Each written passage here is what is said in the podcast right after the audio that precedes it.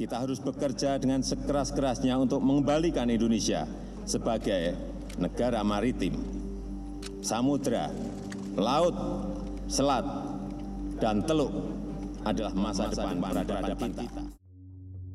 Masih segar diingatan, dalam pidato pertamanya sebagai presiden, Jokowi menyebut akan bekerja sekeras-kerasnya mengembalikan Indonesia sebagai negara maritim. Namun kini, Jokowi pula yang melupakan janji tersebut dengan membuka keran ekspor pasir laut. Padahal pasir laut masih dibutuhkan untuk reklamasi dalam negeri dan pembangunan lainnya.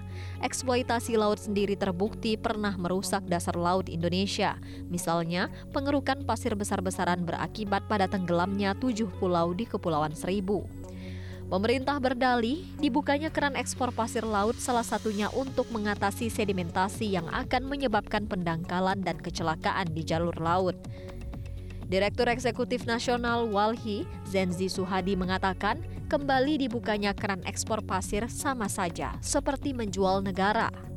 Kalau saya melihat itu bukan hanya ekspor pasir ya, tetapi itu menjual tanah air namanya.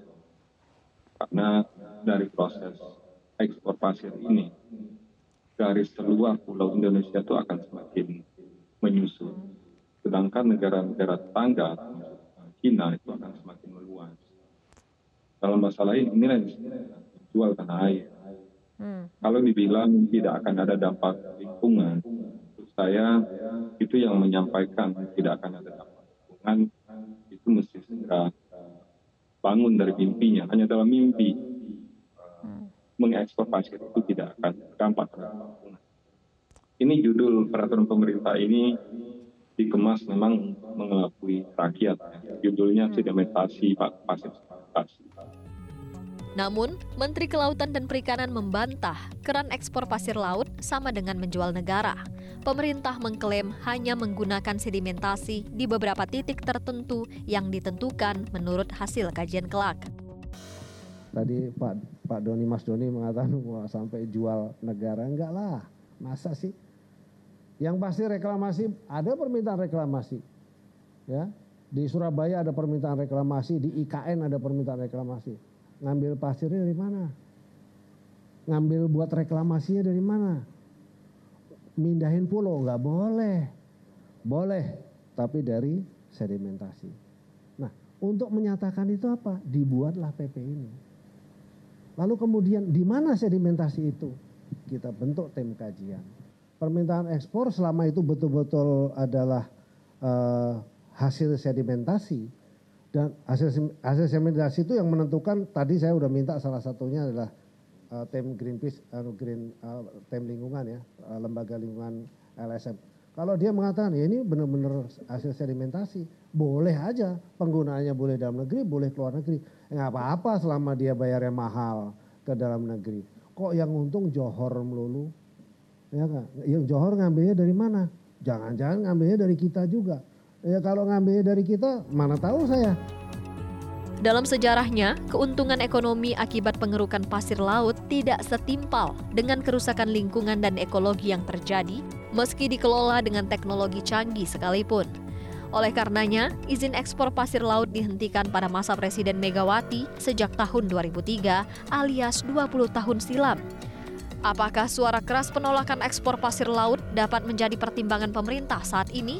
Kita tunggu.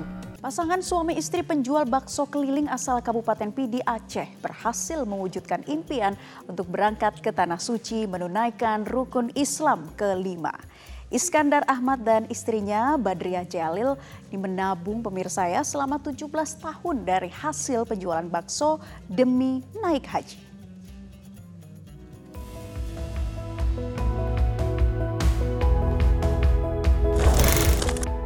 Iskandar Ahmad, warga Rawatungkop, Kecamatan Indrajaya, Kabupaten Pidi, Aceh, terharu saat menerima kabar untuk diberangkatkan ke Tanah Suci pada tahun ini.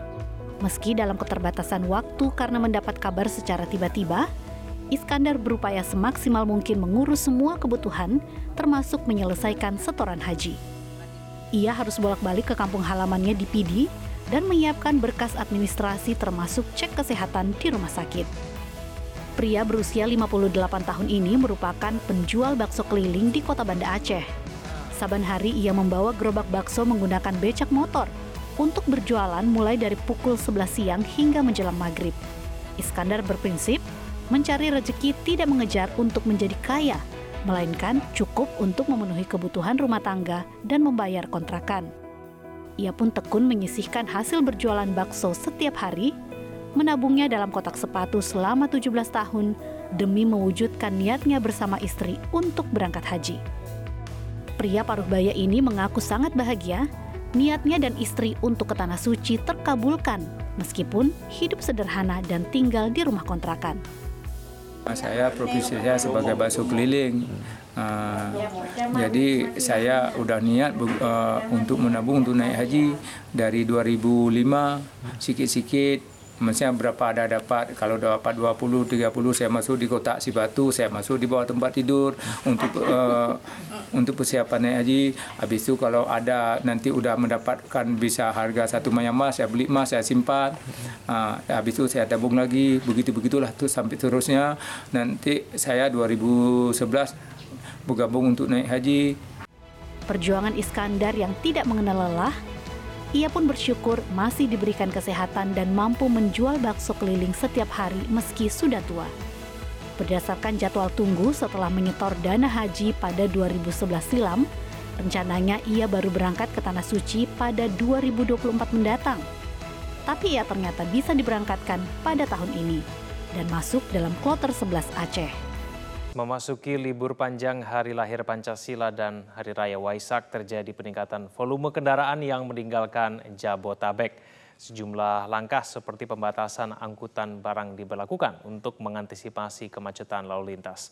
Untuk informasi selengkapnya kita bergabung bersama jurnalis Metro TV Diza Wardoyo yang akan menyampaikan informasinya langsung dari Tol Jakarta Cikampek. Diza, bagaimana kondisi terkini lalu lintas di Tol Jakarta Cikampek?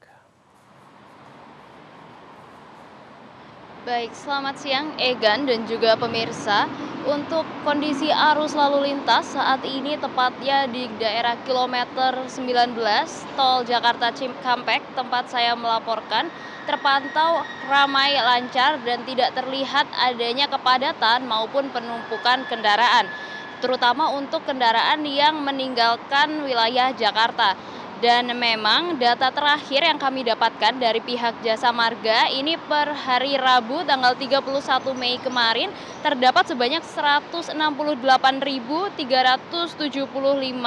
kendaraan yang meninggalkan area Jabotabek atau meningkat sebanyak 27,5 persen jika dibandingkan dengan hari-hari normal.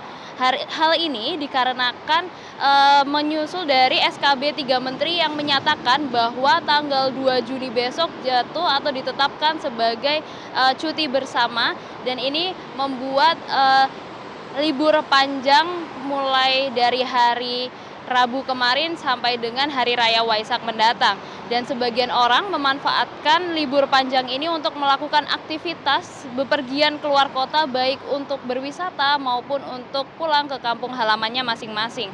Kemudian prediksi dari Jasa Marga sendiri untuk uh, arus lalu lintas selama libur panjang ini diprediksi akan ada sebanyak 900 ribu lebih kendaraan yang meninggalkan area Jabotabek atau naik 9,5 persen dari hari-hari normal. Dan angka tersebut merupakan angka kumulatif dari empat gerbang tol, yakni gerbang tol Cikupa, Ciawi, Cikatama, dan Kalihurip Utama.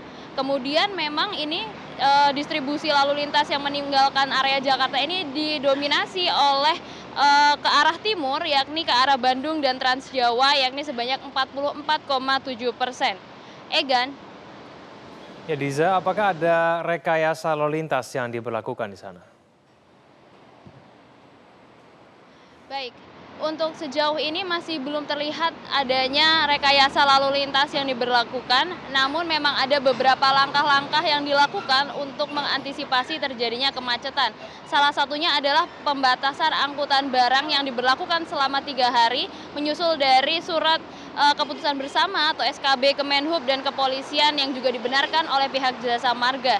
Ini uh, pembatasan angkutan barang ini diberlakukan untuk mobil barang dengan jumlah berat yang diizinkan atau JBI di atas 14.000, mobil bersumbu 3 atau lebih, kemudian mobil barang dengan kereta tempelan dan kereta gandeng, juga mobil pengangkut hasil galian, hasil tambang, dan juga bahan bangunan. Ini sudah diberlakukan mulai dari kemarin, tanggal 31 Mei pada pukul 2 siang hingga 12 malam. Kemudian untuk hari ini juga sudah diberlakukan pukul 6 pagi hingga pukul 12 siang tadi dan nantinya akan diberlakukan kembali pada tanggal 4 Juni.